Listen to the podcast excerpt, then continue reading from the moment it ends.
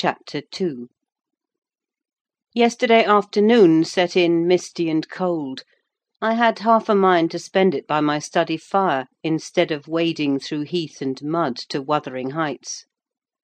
On coming up from dinner, however, N.B.—I dine between twelve and one o'clock: the housekeeper, a matronly lady, taken as a fixture along with the house, could not, or would not, comprehend my request that I might be served at five.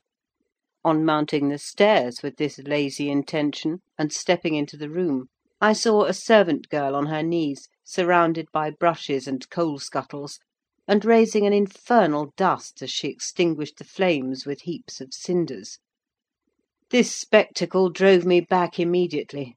I took my hat, and, after a four miles' walk, arrived at Heathcliff's garden gate just in time to escape the first feathery flakes of a snow shower. On that bleak hill top the earth was hard with a black frost, and the air made me shiver through every limb. Being unable to remove the chain, I jumped over, and running up the flagged causeway, bordering with straggling gooseberry bushes, knocked vainly for admittance, till my knuckles tingled and the dogs howled. "Wretched inmates!" I ejaculated mentally, "you deserve perpetual isolation from your species for your churlish inhospitality. At least I would not keep my doors barred in the daytime. I don't care, I will get in." So resolved, I grasped the latch and shook it vehemently. Vinegar faced Joseph projected his head from a round window of the barn. "What are ye for?" he shouted. "T' master's down in fold. Go round by t' end o' th' if ye want to speak to him." "Is there nobody inside to open the door?" I hallooed responsively. "There's nobbut missis, and she'll not open it an ye mak' your fleysome till neeght. Why? Cannot you tell her whom I am, eh, Joseph?" "Noan me! I'll ha' no end with it," muttered the head, vanishing. The snow began to drive thickly. I seized the handle to essay another trial, when a young man, without coat, and shouldering a pitchfork, appeared in the yard behind. He hailed me to follow him, and after marching through a wash house and a paved area containing a coal shed, pump, and pigeon cot, we at length arrived in the huge, warm, cheerful apartment where I was formerly received. It glowed delightfully in the radiance of an immense fire, compounded of coal, peat, and wood; and near the table, laid for a plentiful evening meal, I was pleased to observe the missis an individual whose existence I had never previously suspected. I bowed and waited, thinking she would bid me take a seat. She looked at me, leaning back in her chair, and remained motionless and mute. "Rough weather," I remarked. "I'm afraid, Mrs. Heathcliff, the door must bear the consequence of your servants' leisure attendance. I had hard work to make them hear me." She never opened her mouth. I stared: she stared also: at any rate, she kept her eyes on me in a cool, regardless manner, exceedingly embarrassing and disagreeable. "Sit down," said the young man gruffly. "He'll be in soon." I obeyed, and hemmed and called the villain Juno, who deigned at this second interview to move the extreme tip of her tail in token of owning my acquaintance. "A beautiful animal!" I commenced again. "Do you intend parting with the little ones, madam?" "They are not mine," said the amiable hostess, more repellingly than Heathcliff himself could have replied.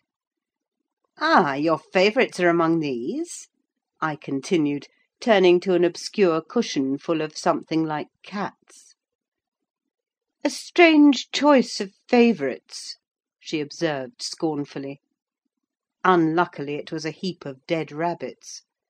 I hemmed once more, and drew closer to the hearth, repeating my comment on the wildness of the evening. "You should not have come out," she said, rising and reaching from the chimney piece two of the painted canisters. Her position before was sheltered from the light; now I had a distinct view of her whole figure and countenance. She was slender, and apparently scarcely past girlhood; an admirable form, and the most exquisite little face that I have ever had the pleasure of beholding: small features, very fair, flaxen ringlets, or rather golden, hanging loose on her delicate neck, and eyes, had they been agreeable in expression, that would have been irresistible. Fortunately for my susceptible heart, the only sentiment they evinced hovered between scorn and a kind of desperation, singularly unnatural to be detected there. The canisters were almost out of her reach: I made a motion to aid her: she turned upon me, as a miser might turn if any one attempted to assist him in counting his gold. "I don't want your help," she snapped. "I can get them for myself." "I beg your pardon," I hastened to reply. "Were you asked to tea?" she demanded, tying an apron over her neat black frock, and standing with a spoonful of the leaf poised over the pot. "I shall be glad to have a cup," I answered. "Were you asked?" she repeated. "No," I said, half smiling. "You are the proper person to ask me." She flung the tea back, spoon and all, and resumed her chair in a pet, her forehead corrugated and her red underlip pushed out, like a child's ready to cry. Meanwhile the young man had slung on to his person a decidedly shabby upper garment, and, erecting himself before the blaze, looked down on me from the corner of his eyes, for all the world as if there were some mortal feud unavenged between us. I began to doubt whether he were a servant or not: his dress and speech were both rude, entirely devoid of the superiority observable in Mr. and Mrs. Heathcliff. His thick brown curls were rough and uncultivated, his whiskers encroached bearishly over his cheeks, and his hands were embrowned like those of a common labourer; still his bearing was free, almost haughty, and he showed none of a domestic's assiduity in attending on the lady of the house. In the absence of clear proofs of his condition, I deemed it best to abstain from noticing his curious conduct; and five minutes afterwards the entrance of Heathcliff relieved me, in some measure, from my uncomfortable state.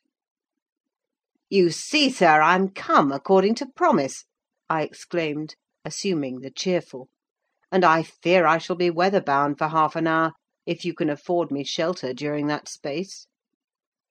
"Half an hour?" he said, shaking the white flakes from his clothes.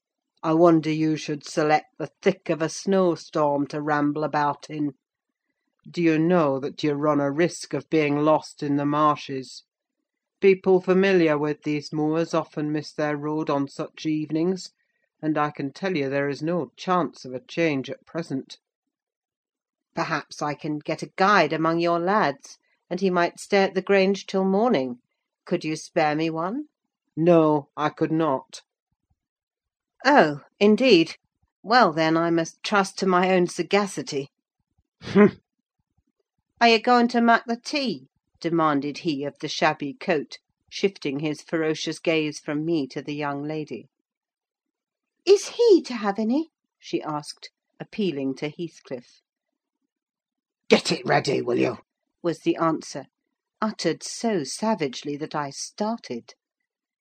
The tone in which the words were said revealed a genuine bad nature. I no longer felt inclined to call Heathcliff a capital fellow.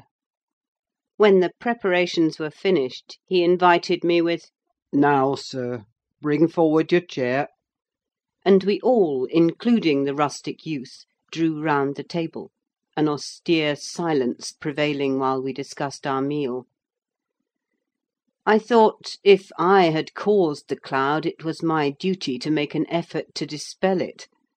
They could not, every day, sit so grim and taciturn; and it was impossible, however ill tempered they might be, that the universal scowl they wore was their every day countenance.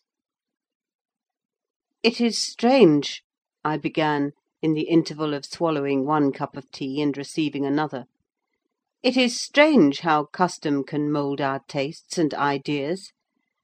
Many could not imagine the existence of happiness in a life of such complete exile from the world as you spend, Mr. Heathcliff; yet I'll venture to say that, surrounded by your family, and with your amiable lady as the presiding genius over your home and heart—" "My amiable lady!"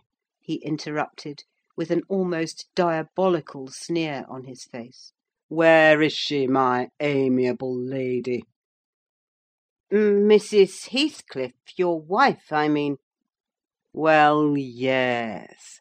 Or you would intimate that her spirit has taken the post of ministering angel, and guards the fortunes of Wuthering Heights, even when her body is gone. Is that it?" Perceiving myself in a blunder, I attempted to correct it. I might have seen there was too great a disparity between the ages of the parties to make it likely that they were man and wife. One was about forty, a period of mental vigour at which men seldom cherish the delusion of being married for love by girls: that dream is reserved for the solace of our declining years. The other did not look seventeen. Then it flashed on me. The clown at my elbow, who is drinking his tea out of a basin, and eating his bread with unwashed hands, may be her husband: Heathcliff junior, of course. Here is the consequence of being buried alive: she has thrown herself away upon that boor from sheer ignorance that better individuals existed. A sad pity! I must beware how I cause her to regret her choice. My last reflection may seem conceited: it was not. My neighbour struck me as bordering on repulsive. I knew through experience that I was tolerably attractive. "Mrs. Heathcliff is my daughter in law," said Heathcliff, corroborating my surmise. He turned, as he spoke, a peculiar look in her direction: a look of hatred unless he has a most perverse set of facial muscles that will not, like those of other people, interpret the language of his soul. "Ah, certainly! I see now. You are the favoured possessor of the beneficent fairy," I remarked, turning to my neighbour. This was worse than before. The youth grew crimson, and clenched his fist, with every appearance of a meditated assault but he seemed to recollect himself presently, and smothered the storm in a brutal curse muttered on my behalf; which, however, I took care not to notice. "Unhappy in your conjectures, sir," observed my host. "We neither of us have the privilege of owning your good fairy. Her mate is dead. I said she was my daughter in law. Therefore she must have married my son." "And this young man is—" "Not my son, assuredly." Heathcliff smiled again, as if it were rather too bold a jest to attribute the paternity of that bear to him. "My name is Hareton Earnshaw," growled the other, "and I'd counsel you to respect it." "I've shown no disrespect," was my reply, laughing internally at the dignity with which he announced himself.